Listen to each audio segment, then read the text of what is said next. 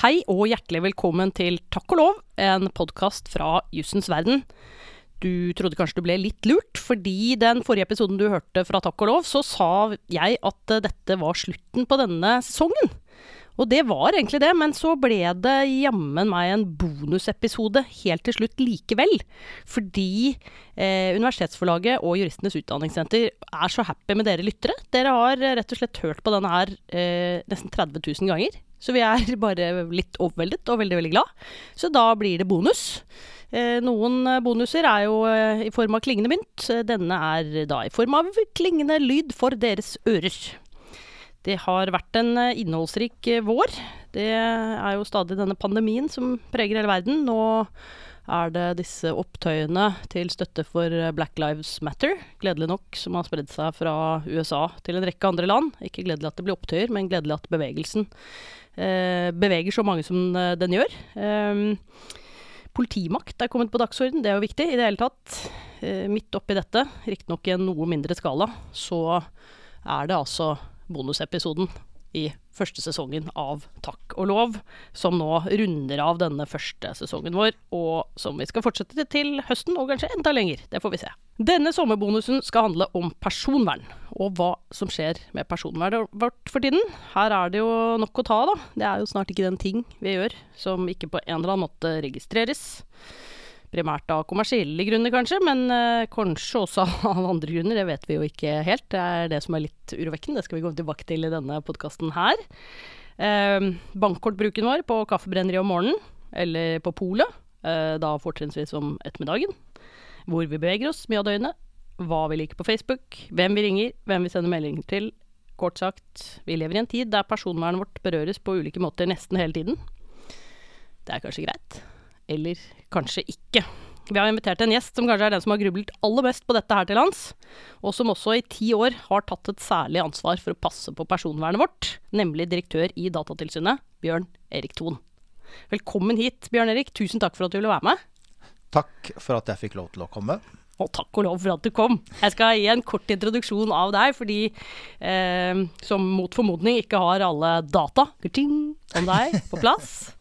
Du er både jurist og forfatter. Du har da, som jeg hintet til, siden 2010 vært direktør i Datatilsynet. Og før det så var du forbrukerombud i ti år. Og du har vært advokat, og du har vært domfullmektig, politisk rådgiver for Odd Einar Dørum. Du har i det hele tatt uh, hengt litt i Venstre med diverse tillitsverv der. Uh, som forbrukerombud så laget du sak mot Apple for Markedsrådet pga. Uh, produktlåsing av iTunes-musikk. der satte du i gang en bevegelse som de europeiske forbrukerorganisasjonene også ble med på. Og så løste Apple saken selv da, ved å opp oppheve denne kopibeskyttelsen til slutt. Så der gikk du foran også der, Bjørn Erik. Veldig bra. Du sitter i fagutvalget for personvern i Juristenes utdanningssenter. Og øh, skriver på personvernbloggen og Datatilsynets helt egen nye podkast. Personvernpodden. Ikke sant? Der har vi reklamert for den. Vi pleier alltid når vi introduserer gjestene våre å ha en sånn fun fact. Og om deg så var det i grunnen vanskelig å velge blant de fun factene som vi har innhentet. Uh, for du skriver altså De fleste jurister skriver jo bare utrolig kjedelige bøker om juss. Uh, av og til kan de være litt morsomme, da, men det er stort sett du skriver om alt mulig rart som ikke har med det å gjøre også. Herunder krim. Ja. Altså hallo. Uh, dessuten så dyrker du utrolig mye rart. Herunder sopp. Ikke fleinsopp, men sopp i kaffegrut. Det er jo også en greie. Um, ja, du er i det hele tatt en slags vandrende fun fact. Uh, du rappet uh, kattebamsen til din kollega Tobias, laget Insta-kontoen Katta til Tobben og sendte Katta til Tobben ut på instatur i ukevis. Jeg tror jeg stopper der, for ellers så kommer vi jo ikke til poenget. Men har du ja. noe å legge til? Nei, ikke annet enn at uh, Katta til Tobben var det ikke jeg som laget. Men Katta til Tobben endte opp hjemme hos meg sammen med Katta til Ton. Ja vel. Eh, en svær Maine Coon på åtte kilo som eh, ble veldig god venn med katta til Tobben. Og, og eh, den er altså eh, eh, Du er veldig glad i katter? Jeg er veldig glad i katter, og det var jo en følgetong i Datatilsynet dette hvor var det katta til Tobben egentlig var. Ja. Eh, og det var jo en katt som var omtrent 7 cm høy og var laget av et eller annet tøymateriale. Uh, og når jeg la bilde av katta til Tobben sammen med en åtte kilos Maine Coon, da ble jeg avslørt hvem som hadde katta til Tobben hjemme på hjemmebesøk, og det var meg. Busted der. Busted du, med vilje. Ja. Er veldig bra. Um, da fikk du jo tilgang til noen private opplysninger fra det tonske hjem, forstår jeg. Ja, det er jo ellers sånn som du prøver å passe på for oss. Uh, alle disse opplysningene om oss selv. Vi skal jo snakke om uh, personvern i dag. Um, og da er det jo Det er jo nesten litt vanskelig å vite hvor man skal begynne, for dette popper jo opp personvernspørsmål i veldig mange sammenhenger. Jeg tenkte likevel at vi skulle prøve å strukturere denne sommerbonusen vår, som blir en, eh, en, eh, heldigvis, vi har fått litt tid, en litt, litt lengre episode som vi deler opp i to. Um, så da kan vi faktisk få tid til å gå gjennom en del av dette, og, kanskje også litt i detalj. For det er jo det med disse personvernspørsmålene at det, Vel dukker de opp i mange sammenhenger, men de er ikke så godt å forstå dem. Og i hvert fall ikke jussen rundt dem alltid. Og det er kronglete, og ofte må man vite litt om teknologi for å skjønne hvordan det mm. foregår. Og men tre av de sakene som iallfall har preget en del av diskusjonen denne våren, og siste saken har jo for så vidt preget uh, diskusjonen om personvern i lang tid, uh, det er denne saken som vel ble avdekket av NRK Beta, om kjøp og salg av mm. posisjonsdata. Og det er jo både både om privatpersoner, og kanskje også om uh, ikke bare private personer, og, og, hva kan man egentlig avdekke ved hjelp av dem. Mm. Så det tenkte jeg vi kunne komme inn på. Um, så må vi snakke litt om appen Smittestopp, som jo skal hjelpe oss til å bekjempe koronaen på teknisk måte. Var iallfall håpet. den reiser noen spørsmål, og ja, det har vi kanskje ikke så mange svar på, men vi kan i alle fall diskutere de spørsmålene. Og så må vi snakke om den nye e-loven. Ja. I denne innspillingsdagen som vi er i nå, så er det førstegangsbehandling av e-loven i Stortinget. Vi skriver 11. juni. Når dette blir sendt, så vil loven være behandlet i Stortinget. Mm. Det uh, kommer helt sikkert til å være omtrent de samme spørsmålene som blir diskutert etter den loven vedtas, som det er nå. Så dem skal vi også se litt på. Eh, kanskje er det også sånn at vi kan se noen av disse temaene litt i sammenheng og trekke noen mm. linjer. Men kanskje vi kunne begynne med denne NRK-saken. Mm. Eh, hvis du bare kort eh, Du har sikkert enda mer oversikt over den enn meg, så hvis du bare kort kan redegjøre litt. Hva var det den gikk ut på? Kanskje du bare kort sier hva NRK avdekket ja. også, hvis det er folk som ikke har lest dette her? Absolutt. Det, det jeg syns er litt morsomt, uh, er jo det du sier at uh, det var NRK som avdekket denne saken, og det er jo helt riktig. Og det vi ser nå er at Eh, en del av disse store personvernsakene de siste årene, det er det faktisk media som har avslørt. Eh, og sånn var det ikke for eh, ti år siden da jeg begynte i Datatilsynet. Det var jo fortsatt medieinteresse om personvernspørsmål, absolutt. Men det handlet jo ikke spesielt mye om det, om det kommersielle. Det handlet jo gjerne om den statlige overvåkningen som var på dagsorden veldig på den tiden. Ta, ta bare helt kort om det. Hva er egentlig prinsipielt forskjell på det? Statlig og kommersiell overvåkning? Altså det, på en måte så det glir sammen i den forstand at mange av de tingene som vi nå legger igjen, eller opplysningene vi legger igjen kommersielt, f.eks. i denne sporingsappen som vi skal snakke litt om etterpå, og også denne eh, saken i eh, Storbritannia som solgte lokas lokasjonsdata, det er jo også data som myndighetene bruker når de skal eh, etterforske saker, f.eks., eller at de skal overvåke norske grenser, sånn at ikke vi ikke får terroranslag. Så private samler min, staten bruker dem? Ønsker å bruke dem. Ja. Eh, men forskjellen er jo at eh, det ligger en, eh, et samtykke, en kontrakt. altså Det ligger en eller annen privatrettslig disposisjon fra meg som sier at jeg har lyst til at disse dataene skal samles inn og brukes kommersielt. Det er den kommersielle siden. Nå er det veldig mye vi kan si om de avtalene, og veldig mye vi kan si om de samtykkene. Ja, det kan vi gå tilbake til. Eh, og det, er, eh, det, tar lang tid å lese personvernerklæringen til Apple f.eks., eller til Google, men det er i hvert fall sånn det er konstruert. Mens på den statlige overvåkningen så er det jo ingen frivillighet det er eh, lovhjemlet. Og så er det jo også slik at uh, staten har monopol til å fengsle, pågripe, drive med telefonavlytting, romavlytting og bruke andre tvangsmidler. Eh, som, i hvert fall sånn jeg ser det, er den store forskjellen mellom disse to. Det er uh, all grunn til å være mer skeptisk, syns jeg, til den uh, politiske overvåkningen, for å kalle det den, den overvåkningen staten gjør, er riktigere eh, å si. For politisk overvåkning kan, eh, kan misforstås, men den, eh, den, den, som staten gjør. Og det handler også om et demokratiperspektiv. At du gir for store fullmakter til staten, kan gå på utover den tilliten som vi som borgere skal ha til myndighetene våre. Det er litt sånn samfunnskontrakten egentlig. Vi ga opp en del friheter til staten, men ikke så mange. Nei, og, og det er jo en diskusjon som pågår hele tiden. Og vi har jo gitt bort uh, mange av frihetene våre til staten allerede, sammenlignet med for en del år siden. Det har vært mange overvåkningstiltak som har kommet siden ja, terroranslagene i uh, USA i 2001 var vel egentlig et uh, slags skifte. Eh, og fortsatt så er jo Norge et eh, liberalt demokrati med stor frihet til å ytre seg. Eh, men det har gått mange små skritt i gal retning, som kulminerte i en av de temaene som vi skal snakke om etter hvert, nemlig e-loven. Ja, kom, det er fint. Var bra opptak egentlig til e-loven. Vi kan komme tilbake til det kanskje innledningsvis når vi snakker om den, nemlig opptrappingen i mm. Eh, overvåkningshjemler mm. Eh, fra 11.9. Eh, og fremover. Ja. Men tilbake til NRK-saken. Du roste mediene for av og til å avdekke en del personvernspørsmål, så også ja. dette. Hva var det de avdekket? Det de avdekket var jo Altså dette var jo egentlig en undercover-operasjon fra journalister. Så de gikk inn og kjøpte data fra et engelsk selskap, eller britisk selskap, som heter Tamoko. Og så så de hva kan vi få ut av disse dataene. Det ble solgt som et anonymt datasett. Hva slags eh, selskap er det? De har da datasett? Det er et av mange tusen selskaper som lever av dataanalyse på en eller annen måte. Eh, det å omsette data om oss forbrukere, det er jo stor forretning. Det er uendelig mange selskaper som tjener veldig mange penger.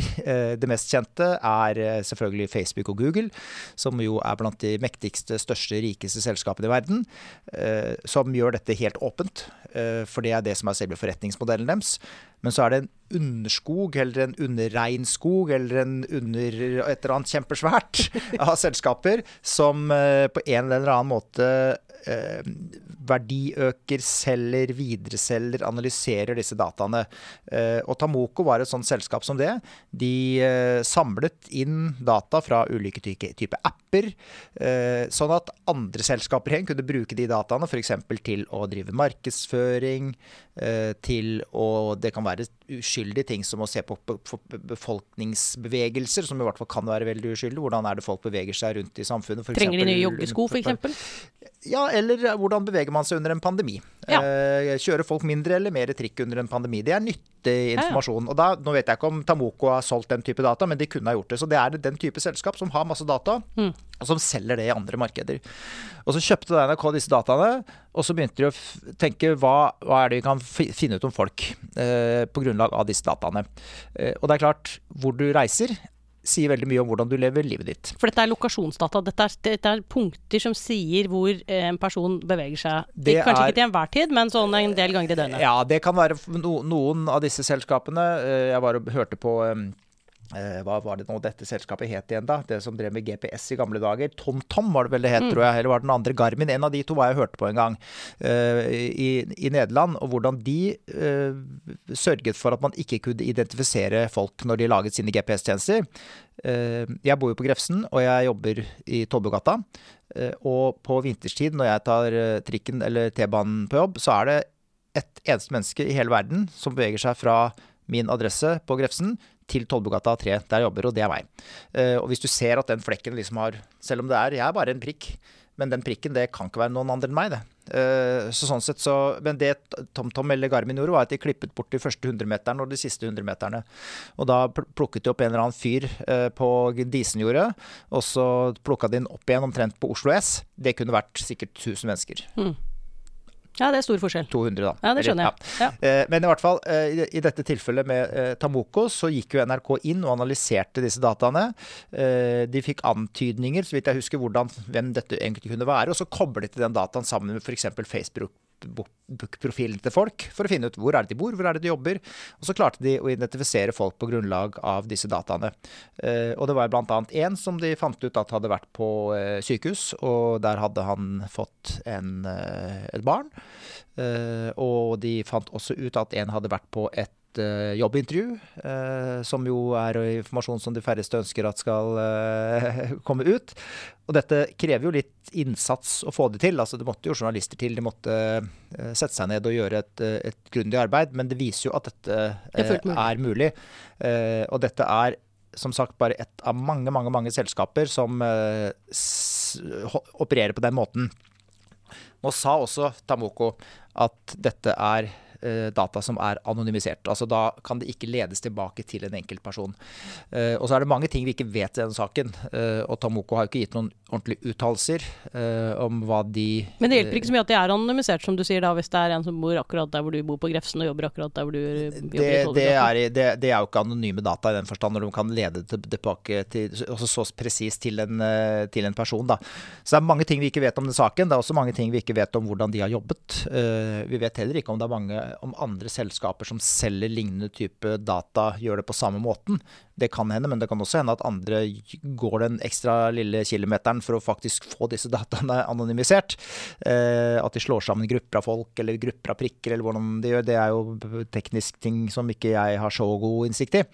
Eh, men i bunn og grunn så viste denne saken veldig godt hvordan data kan det som kanskje i utgangspunktet kan virke som ganske uskyldig data, altså noen prikker som beveger seg rundt omkring, og lokasjonsdata faktisk kan brukes til å, til å vise og avsløre veldig mye av hvordan vi lever livene våre, uh, hva vi holder på med. For én ting er jo uh, altså, det, uh, Dette er jo på en måte utgangspunktet for alle diskusjoner om personvern. Det er sånn hvis jeg ikke har gjort noe galt selv, så gjør vel ikke dette så mye.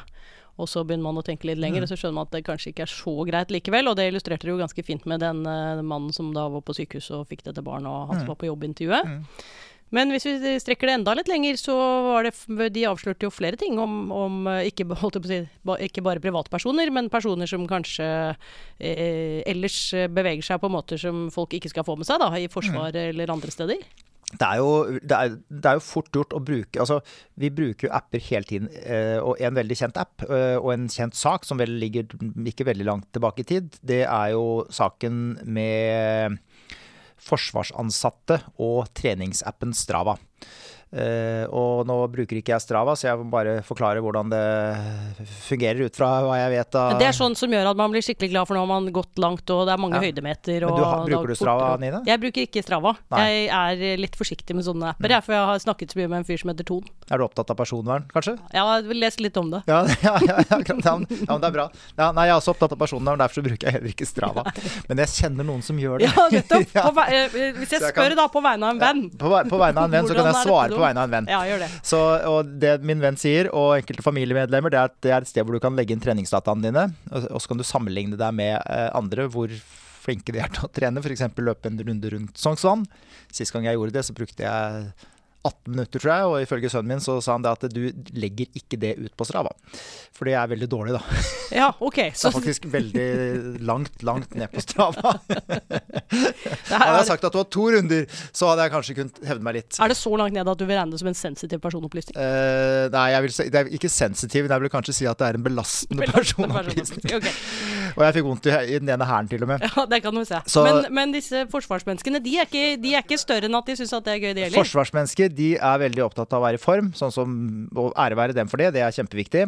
Eh, men de hadde brukt Strava. Eh, og jeg kjenner, Vi har ikke vært inne i denne saken, vi, vi kun, jeg kjenner den kun fra media. Men der var rett og slett det at eh, folk som også jobbet da på steder og med ting som ikke noen skulle vite om. De hadde da lagt ut treningsdataene sine på Strava. Det har også vært norske politikere som har lagt ut treningsdataene sine på Strava. Nå har de uttalt at de gjorde det fullt med viten og ville hva de gjorde, og at de tenkte at dette er en ting som jeg gjør. Og det er jo øh, greit, det. Altså, det er selvbestemmelse, og øh, man har et autonomi til å gjøre hva man vil.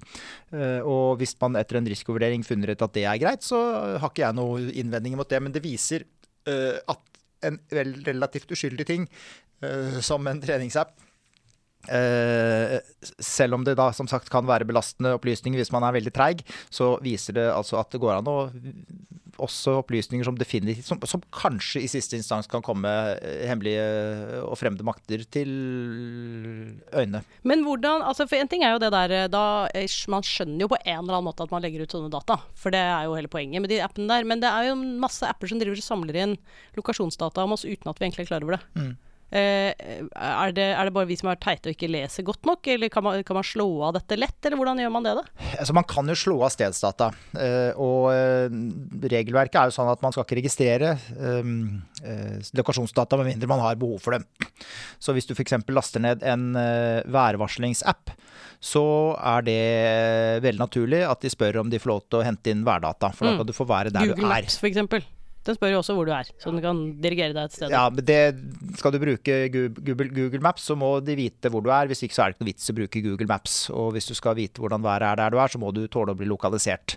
Det er akkurat som å gå til legen, så må du si hva som er feil med deg. Ikke sant? Du må dele opplysninger. Men sminkeapper for eh, stortingsrepresentanter? Sminkeapper for stortingsrepresentanter de trenger nok ikke å si hvor du er, vite hvor du er. Eh, en app som eh, Et eksempel som ofte brukes, en av de tidlige appene som kom det var en eh, paper toss-app, hvor du kunne kaste da virtuelt en, eh, et sammenkrøllet papir opp i en eh, søppelkurv. Ja. Trenger definitivt ikke å vite hvor du er. Vi må jo lokalisere søppelkurven. Ja, men den, det var innpå Du trenger ikke å vite hvor du er når Nei, du gjorde det.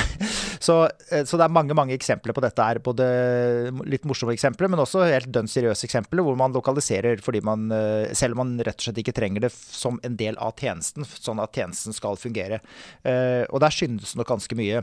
Så er det jo slik at eh, eh, hvis man skrur av eh, lokalisering på mobilen sin, altså sentralt, og sier jeg skrur av lokalisering på mobilen min, så eh, skal du bruke en tjeneste, da, eller så skal du bruke en eh, Google Maps f.eks., så må den jo skrus på, og så glemmer du å skru den av igjen. Så det er veldig vanskelig å være en god og bevisst forbruker eh, hvis man skal skru av og på lokasjonsdataene sine. Ja, jeg trodde jeg var relativt bevisst, men jeg gikk inn og gjorde det etter den der NRK-saken og Ja. sjekket hva det var som faktisk hadde tilgang, og Ja. det var jo mye mer enn jeg trodde. Det er mange tilganger, og det er vanskelig å vite hva, hva som har tilgang. Og sånn som i denne Tamoko-saken, eh, denne saken fra Storbritannia med disse lokaliseringsdataene, så, så vet jo Vi vet jo heller ikke hvilke apper de egentlig har fått data fra. Så hvilke som er de liksom slemme appene, og hvilke data som er de snille appene, det er veldig vanskelig å vite. Og på en vanlig Nå er det jo Nå har jeg kommet opp i en alder hvor jeg sånn forskningsmessig da skal ha rundt ti apper jeg bruker. Det er nyhetsapper, musikkapper og eh, noen podkast-apper. Det stemmer egentlig skremmende bra. Eh, så, men selv på de appene mine så eh, er det eh, Jeg vet jo ikke helt hva de samler inn, ikke sant. Og, Ja, og det er jo de, som- de som sier at de samler det inn, det er vel stort sett de snille. ja, og, og, og disse, disse Det er jo det kjente eksempelet med, med som Forbrukerrådet gjorde som et stunt. eh, hvor de satte folk til å lese personvernvilkårene fra liksom første til siste bokstav. eh, på var det en, rundt 30 av de mest kjente appene. Jeg lurer på om det kanskje var færre enn det til og med. Og jeg mener du husker at det tok 34 timer. 34 timer å lese seg gjennom, ja. Ja, Ja. Nei, det, da kan man snakke om liten skrift. Det er liten skrift, og det var, jeg, jeg var jo med å, jeg må få, lov til å fortelle en historie, for jeg var med og leste. Jeg fikk lov til å lese et kvarter. Alle fikk lese et kvarter. Du var kanskje med? å Nei, jeg lese? Nei, nei skal, du, neste gang må du få lov til ja, å jeg gleder meg veldig, altså. Eh, og jeg fikk da lov til å lese eh, vilkårene til eh, iTunes Music Store, altså min gamle Ja. motpart, Ja. Apple sin musikkbutikk. Eh, og de har jo da et familieabonnement. Hvor f.eks. min lille familie på fire stykker kan ha et felles abonnement for å spare penger. Eh, og så er det jo masse måter man regulerer hvordan man skal ikke skal lure seg liksom til å si at man er en familie når man er sånn, ja. ikke er det. Ja. For da betaler man for lite. Eh, og høydepunktet da, i min opplesning, det var når eh, Apple på ethvert tidspunkt forbeholdt seg retten om å oppløse familien. Ja, men dette det hadde jeg bare sagt aksept på, jeg, og Ja, gått videre. Og Altså. jeg hadde gjort det. Ja, du hadde gjort det, Ja, ja. men jeg er fortsatt gift. Ja, men det er jo bare takket være Apple som ikke har grepet Men, inn det- men jeg har ingen barn som bor hjemme lenger, da. Nei, der kan du se. Det løser seg opp. Så sånn gikk det.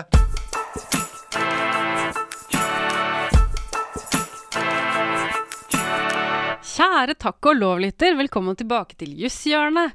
Vi sitter her igjen og er veldig glad for å få en sjanse til igjen før sommeren. Absolutt. Solen skinner ute. De som sitter her, det er Torbjørn Buer, direktør i Juristenes Utdanningssenter, og Camilla Klevan, redaksjonssjef i Universitetsforlaget. ja, vi, vi må jo først begynne å si at til deg som lytter, tusen takk for at du, du hører på podkasten. Dette har jo, og er, et veldig spennende og godt samarbeid mellom Juss og UF. Og det vi gjør da, når vi ikke lager en veldig god lovpodkast, Camilla, det er vel å lage, skal vi si det sånn, landets beste juslitteratur og jusskurs? Ja, vi sier det sånn. Ja. Og dere har kurs eh, ganske snart om akkurat dette emnet, om personvern. Det har vi. Vi er veldig opptatt av personvern. Nevne tre ting. Personvern to kurs. Nå er det jo veldig sånn digital transformasjon på gang, så dette er jo digitale kurs som ligger på just.no. Personvern i praksis og personvernsombudkurset. Personvern i praksis, veldig sånn intensivt og praktisk rettet for alle advokater, jurister som er, jobber med personvern, ønsker konkret veiledning på de vanligste problemstillingene og person, på personvernsområdet. Kan være relevant for andre også, som er opptatt og jobber innenfor GDPR. Når det gjelder personvernsombudkurset, så hører man jo det, at det handler om deg som utøver rollen, og som ønsker en mer grunnleggende innføring i personvernsreglementet og din egen rolle. Så må jeg også få si én ting til, Camilla. Og det er nemlig at det årlige personvernskurset vil finne sted 22.10.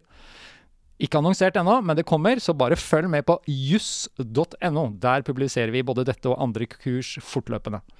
Og så over til deg, Camilla. Du har sikkert noen godbiter på lager. Ja, det er klart jeg har. Hvis du er interessert i personvern, så kommer du ikke utenom kommentarutgaven til personopplysningsloven og GDPR, skrevet av et kremlag. Det er Skullerud, Rønnevik, Skorstad og Pellerud. Den finner du i bokhandelen, men du finner den også i ajourført versjon på Juridika. Og jeg anbefaler jo å gå dit, så er du helt sikker på at det er den nyeste jussen du leser. Um, vi har eh, fokus på GDPR i mange av utgivelsene våre, i f.eks. den helt ferske utgaven av Arbeidslivets spilleregler Mhm. fra advokatene i SPDL. Og selvfølgelig i kommentarutgaven til helseregisterloven og pasientjournalloven, f.eks. Og så har vi glimrende tidsskrifter som Lov og rett. Der er det jo flere artikler om temaet. Og vi har artikler i nyhetsmagasinet vårt som heter Juridika innsikt. Hvor f.eks. Cecilie Rønnevik spør om GDPR består koronatesten. Vi blir sittende her, vi, Torbjørn. Og takk og lov for at du lytter på Takk og lov.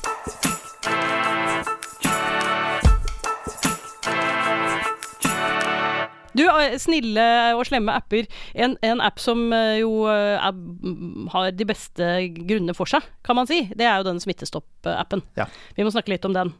Eh, den har et formål eh, som var veldig klart kommunisert da den ble lansert, nemlig å varsle brukere på sikt, når den liksom kom litt i gang, om at de hadde vært i nærkontakt med andre som var smittet. Hvis man hadde vært i nærheten av dem i mer enn 15 minutter. Ja. Eh, Så hadde den et annet formål som ikke var like klart kommunisert, eh, og det var å samle informasjon om bevegelsesmønstrene våre, sånn som vi har snakket om i sted, lokasjonsdata. eh, For på sikt å kunne sjekke hvor godt koronatiltakene fungerte.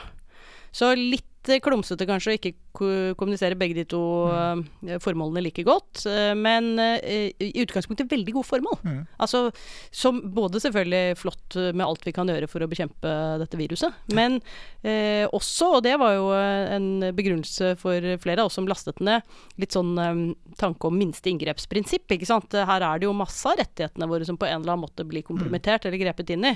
Og kanskje er det slik at rettighetene til de svakeste blant oss, om det er barn i voldelige hjem eller eldre på sykehjem eller hva det er, blir enda, eh, blir enda verre behandlet. Eh, en sånn smitteapp eh, tenkt borte. Så kanskje kunne det være slik at den kunne gjøre at vi kunne lette på en del av disse tiltakene som var veldig strenge, og fremdeles er ganske strenge. Hva er problemet med smittestopp? Altså, vi, vi, eh, vi eh, fikk jo denne på vårt bord eh, litt før den ble ferdig, når forskriftsarbeidet startet.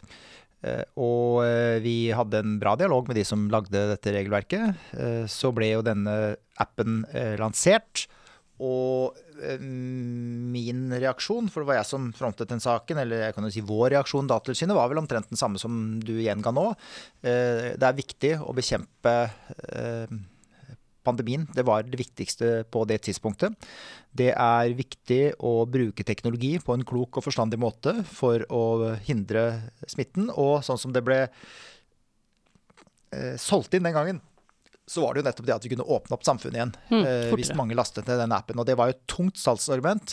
Salgsargumentet var jo faktisk så tungt at det var jo en av de ikke så veldig mange pressekonferansene som statsminister Solberg stilte på. Eh, og i dette ligger det ikke noe kritikk, det ligger bare en konstatering av at dette var noe de la stor tyngde bak å få lansert denne appen. Den, den var, det må jeg bare presisere, den er jo da, var jo da, er frivillig å laste ned og Ja. frivillig å ta i bruk. Ja. Så det er jo ikke sånn at staten trykket ned over hodet på oss, men de oppfordret oss sterkt De, til å laste ned. de la et, et, et sosialt press på oss, kan du si, for å, for å gjøre det. Og i en situasjon som det, så altså, de har lagt sosialt press på oss for å vaske hender og for å holde avstand. Eh, det har vi i stor grad gjort. Eh, og denne pandemien har jo nå Ja, jeg leste forleden at det var mellom 50 og 550 smittede i Norge per nå. Det er et veldig veldig lavt tall. Eh, Så vi har jo fulgt beskjedene som har kommet, og gitt etter for presset. Når jeg sier det etter, så høres det eh, ned Det, det høres ut som om det er noe galt. Det var ikke sånn det var ment. Det er jo flott. Eh, Og man kan jo se denne smittestoppen som en del av den samme taktikken om at man skal få folk til å gjøre riktige ting i situasjonen. Eh, Og våre første uttalelser var at dette kan forutsette at det, er, at det er frivillighet, og det er jo en frivillighet, som du sier. Det skal være en tidsbegrensning i det. Sånn at denne forskriften som ble gitt, den skal vare i seks måneder. Eh, Man skal få innsyn i dataene, og man skal på ethvert tidspunkt gå inn og slette eh, dataene. eh, unnskyld, slette appen, og da skal også alle dataene slettes. Eh, så det var en del sikkerhetsmekanismer som var bygd inn. Kompenserende tiltak, kan vi Mm. gjerne kalle det. eh, som sånn samlet sett tenkte at dette kan man sikkert klare å få gjort riktig. Og det er den rettslige siden av det. ikke sant? Her har vi et inngrep i personvernet. eh, Det får hjemmel, eh, lov via forskrift. Og det er nødvendig og proporsjonalt for så vidt som disse kontrollmekanismene og sikkerhetsmekanismene er på plass. Ja, og det var, en, og det var en, et rettslig grunnlag, men det, det rettslige grunnlaget her, og det også er, er, er viktig, for det rettslige grunnlaget her er jo ikke et samtykke. Så det er en frivillighet. Jeg kan velge å gjøre det, men når jeg først har øh, lastet den ned, så er det jo forskriften øh, og også for så vidt personvernerklæringen og andre ting som regulerer hva dataene kan brukes til. Uh, og du nevnte jo at det var to formål, så er det jo også et tredje, og det er at man skal drive mer generell forskning på de dataene. Eh, som jo også er et ærverdig og godt formål, for det kan vise seg svært nyttig hvis vi får, eller når vi får, som mange sier, en pandemi neste gang. Men et formål som heller ikke var så klart kommunisert, og som jo kanskje er et litt annet enn det man en del som lastet ned appen, tenkte at de gjorde for. Tysk jeg ikke helt feil, så tror jeg faktisk ikke forskningsformålet er nevnt i forskriften engang. Jeg tror du må gå til resten faktisk for den kongelige resolusjonen for å, for å finne det formålet. Eh, Men vi fikk jo denne saken selvfølgelig også på vårt bord som en, en kontrollsak. Eh, For Datatilsynet er jo i tillegg eh, Altså vi forvalter lovverk, og eh, det å se på lovligheten av denne appen eh, var en helt selvsagt oppgave for oss. Mm. For det er ikke noe tvil om at dette er et stort personverninngrep. Men den Eh. lovlighetsvurderingen kan ikke helt skilles fra den tekniske løsningen, kan det det? Nei, den kan ikke det. eh, Fordi eh, det som er spesielt med den norske appen, sammenlignet med flere av de utenlandske appene, for det er flere land nå som har laget uh, lignende apper. Er det Singapore og Island, og det er jo Ja, noen som I Storbritannia tror jeg de har laget én, Ja. og i noen land har de sagt at de ikke skal lage apper. I noen land har de laget det, og EU-kommisjonen uh, ja, Nå ble jeg i tvil om det er kommisjonen eller om det er en gruppe under Personvernrådet, som, men i hvert fall det er laget oversikter over land som har smitteapper, uh, og hva slags teknologi, som du sier, som, som brukes i de ulike appene. Og det som har skilt den norske appen fra de andre appene, det er at vi bruker annen teknologi i den rene smittesporingsdelen. Altså den som gjør at, som du sier, to meter fra hverandre, unnskyld, mindre enn to meter fra hverandre i 15 minutter. Begge har lastet ned appen. Da får jeg en beskjed om at jeg har vært i nærheten av en smittet. I Norge så bruker man både GPS-data, altså lokasjonsdata. Så da er vi jo litt tilbake til det vi snakket om i stad. mm. Sporingsdata, som jo kan si veldig mye om hvor vi er, hvordan vi lever livene våre. Ja. Eh, og det som eh, dessverre aldri fikk det gode norske navnet blåtann, men det litt dårlige navnet, engelske navnet Bluetooth. ja. Og hva er problemet med å bruke den teknologien? Eh, det betyr jo at man samler inn mer data enn det man trenger, eh, for å finne ut at eh, du har vært i nærheten av hverandre, så bruker man jo blåtann, for det betyr at våre to telefoner eh, rett og slett snakker med hverandre. De Mm. har connection, eh, og da vet noen at Nei, unnskyld. Det gode trenger- norske ordet 'connection'. Det gode norske ordet connection, ja. Takk skal du ha for den. Vær så god. We aim to please. Det var jo som det ble sagt en gang, eh, jeg husker ikke hvem det var det på universitetet, at uh, hvorfor i all verden skal vi bruke det latinske ordet sessolegis når vi har det gode norske ordet subrogasjon? Ikke sant? Ja. Altså at ikke folk har fått dette med Ja, seg. jeg synes det er, bare, er jo veldig nedslående. jeg synes det er bare så svakt. Skal vi se, nå er vi ja, der igjen, ja. Vi er på Eh, blåtann. Eh, Eh, Blåtann, jo, det er fordi at man samler inn mer data enn det man trenger. Og man trenger blåtannteknologi for å finne ut F.eks. du og jeg nå har vært i nærheten av hverandre. Eh, Hvis vi har blåtann, så snakker våre telefoner sammen. Og da trenger man ikke å lagre disse dataene eh, sentralt noe sted. Eh, Da kan man lage teknologien sånn at jeg får en melding om at jeg har vært i nærheten av en person som har vært smittet, eh, og at ikke det trengs noe sentral lagring, og det trengs ikke noe GPS. Så det kan lagres bare på telefonen, og ikke i en sånn sky som smittestoppdataene lagres i? Da blir det en lokal lagring. Og det har jo også blitt uh, nå, nå kan ikke jeg si så altfor mye om akkurat hvordan vi kommer til å konkludere i denne saken, for vi har en pågående sak. For det har noe, for allerede fått noen varsler om pålegg og sånn, har det ikke det? Jo da, de har gjort det. Og, men, men bare, for det Ja. ble jo omtrent samtidig med at den norske appen ble lansert, så ble det jo laget en veileder uh, om smitteapper fra Personvernrådet, som er da ekspertorganet over alle ekspertorganer i EU. Der sitter alle datatilsyn i Europa, både fra EU og eh, EFTA-landene. Så Norge er med som fullt og aktivt medlem der. Eh, Og i den eh, veiledningen som kom, så ble det jo anbefalt eh, at man Eller ble vel mer enn anbefalt. Det sa vel at man ikke skulle samle inn annet enn blåtanndata i smittesporingsdelen av, denne, i, av disse appene. Eh, Så sånn sett så er jo den eh, appen i Norge er jo eh, et brudd på den retningslinjen som har kommet. Og i tillegg så og Her skjer det jo mange ting, dette kan jeg snakke veldig lenge om, kjenner jeg. Så har jo også Apple og Google gått sammen i et sjeldent samarbeid og utviklet en ja, litt program, eller hva vi skal kalle det, en API, som det heter, eh, som eh, være Som kan brukes til smittesporing mellom Apple og Google-telefoner, og det er jo nesten alle bruker de to operativsystemene, eh, som kan installeres i en smitteapp. Og Det har jo Folkeinstituttet også i Norge åpnet for at kanskje de skal gjøre med den norske appen. Det har ikke jeg annet enn eh, en kilde fra altså De har uttalt i avisen, så jeg har ikke noe mer Men blir det bedre? Er det sikrere? Er det mindre inngripende? Hvorfor er det Det er jo fordi at de der bruker bare blåtann. De bruker ikke GPS, så de bruker en teknologi som nok ligger nærmere den som har kommet som en anbefaling fra Personvernrådet. Men har, ikke, har det ikke vært kritikk mot den blåtannbruken i Smittestopp-appen også? At det kan gjøre at noen kan finne ut at du har Smittestopp-appen, og kanskje at du er smittet og Jo, nei, det har, det har vel ikke vært så mye kritikk på akkurat det, men det er klart du, det, er jo Hvis du blir smittesporet, eh, sånn som, i hvert fall sånn som samfunnet var da den ble lansert eh, Hvis du fikk beskjed om at du hadde vært i nærheten av en person eh, 15 minutter eh, i, eh, eh, på to meters avstand, det var ikke mange det kunne være. Det kunne altså, I hvert fall de åtte ukene som jeg satt på hjemmekontor. Jeg, det var eneste var, tror Det var bare deg som var? Det var, nei, det var kona mi og, og denne mye omtalte katten. Ja. Og den andre katten til Toben òg? Nei, katta til Toben den var ikke, den var da levert tilbake okay. til eieren. Eh, og, og så var det en sønn som etter hvert ble sendt på militærtjeneste. Men eh, bortsett fra det så var det faktisk eh, Det var Monica og meg, altså. Mm. Og eh, det kom ingen meldinger. det ble ikke noe der. det kom ingen Nei. meldinger. Så, Nei, men fremtiden til Smittestopp, uh, hvis vi skal prøve å eh, synse noe om det, da, det vet vi jo ikke helt. Men uh, for jeg tenker det er, jo, det er jo tre sider med sånne type apper som dette som uh, man kan problematisere litt. Vi har vært innom i hvert fall to av dem, nemlig det rettslige, altså mer sånn prinsipielt personvernmessig, og det tekniske, som det henger sammen med for så vidt, men som da kan løses på ulike måter, og som kan ha større eller mindre sikkerhetsrisiko ved seg. Eh, altså det har vært snakk om hvorfor har den lukket kildekode, når den kan ha åpen kildekode, Ja. sånne ting. Uh, men så er det det tredje aspektet som egentlig begge de to andre er eh, laget for å passe på, og, og kan begrunnes av, nemlig funksjonaliteten. Altså hvor godt gjør den det den skal?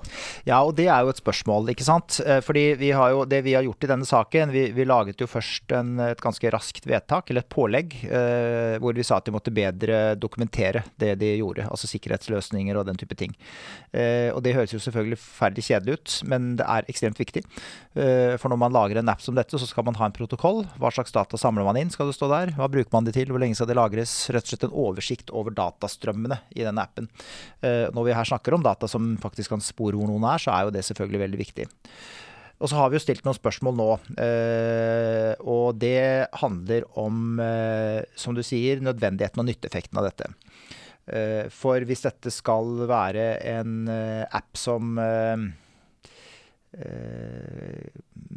Altså at personverninngrepet kan forsvares, så må det jo ha en nytteeffekt. Og det For det er nødvendighetsvurderingen, Det er ikke sant? Man må lov, det må være nødvendig og det må være proporsjonalt. Og for at det Ja. skal kunne være nødvendig, så må man egentlig ha en effekt. Og nå ser vi Dette er én ting som ikke jeg har lest ut fra annet enn media. Nå har vi en sak på dette, og jeg vet at vi jobber med den nå, men jeg har ikke rett og slett tatt, eh, fått den på mitt bord ennå.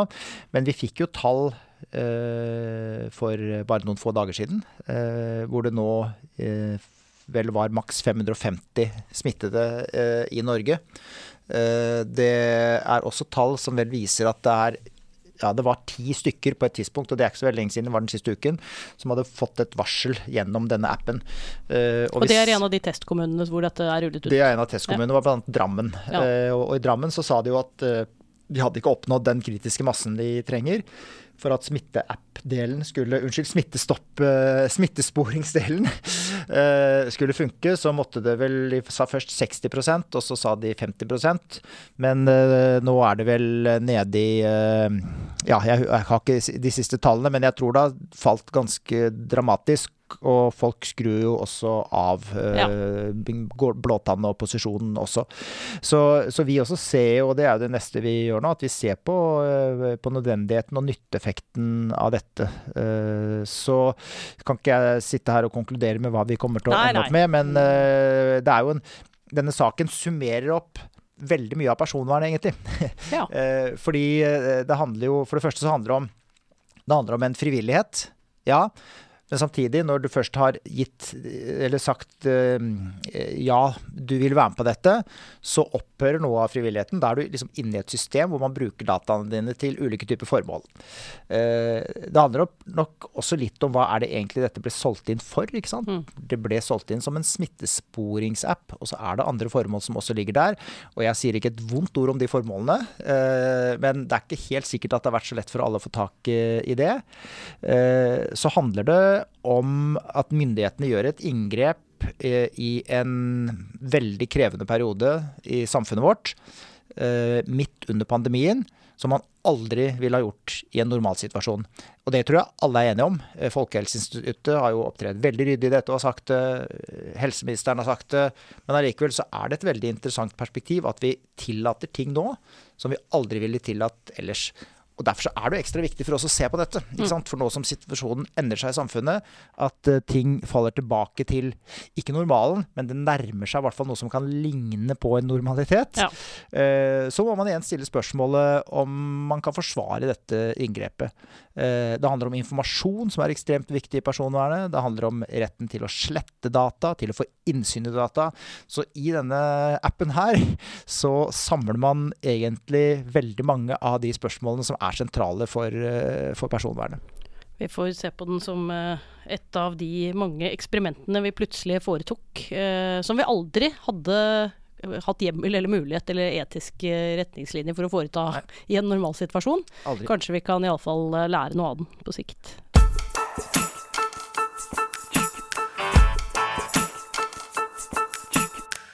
Vi har nå hørt eh, del én av eh, Takk og lov-episoden om personvern med Bjørn Erik 2. Men ting som har en del én, har jo gjerne en del to også. Og det har også denne. Vil vi få svar på hva det rareste som skjedde under den lukkede delen av høringen om e-loven egentlig var? Er det tilfeldig at initialene til Bjørn Erik Thon, BET, rimer på EDB? Følg med i neste episode av Takk og lov, vi har personvern.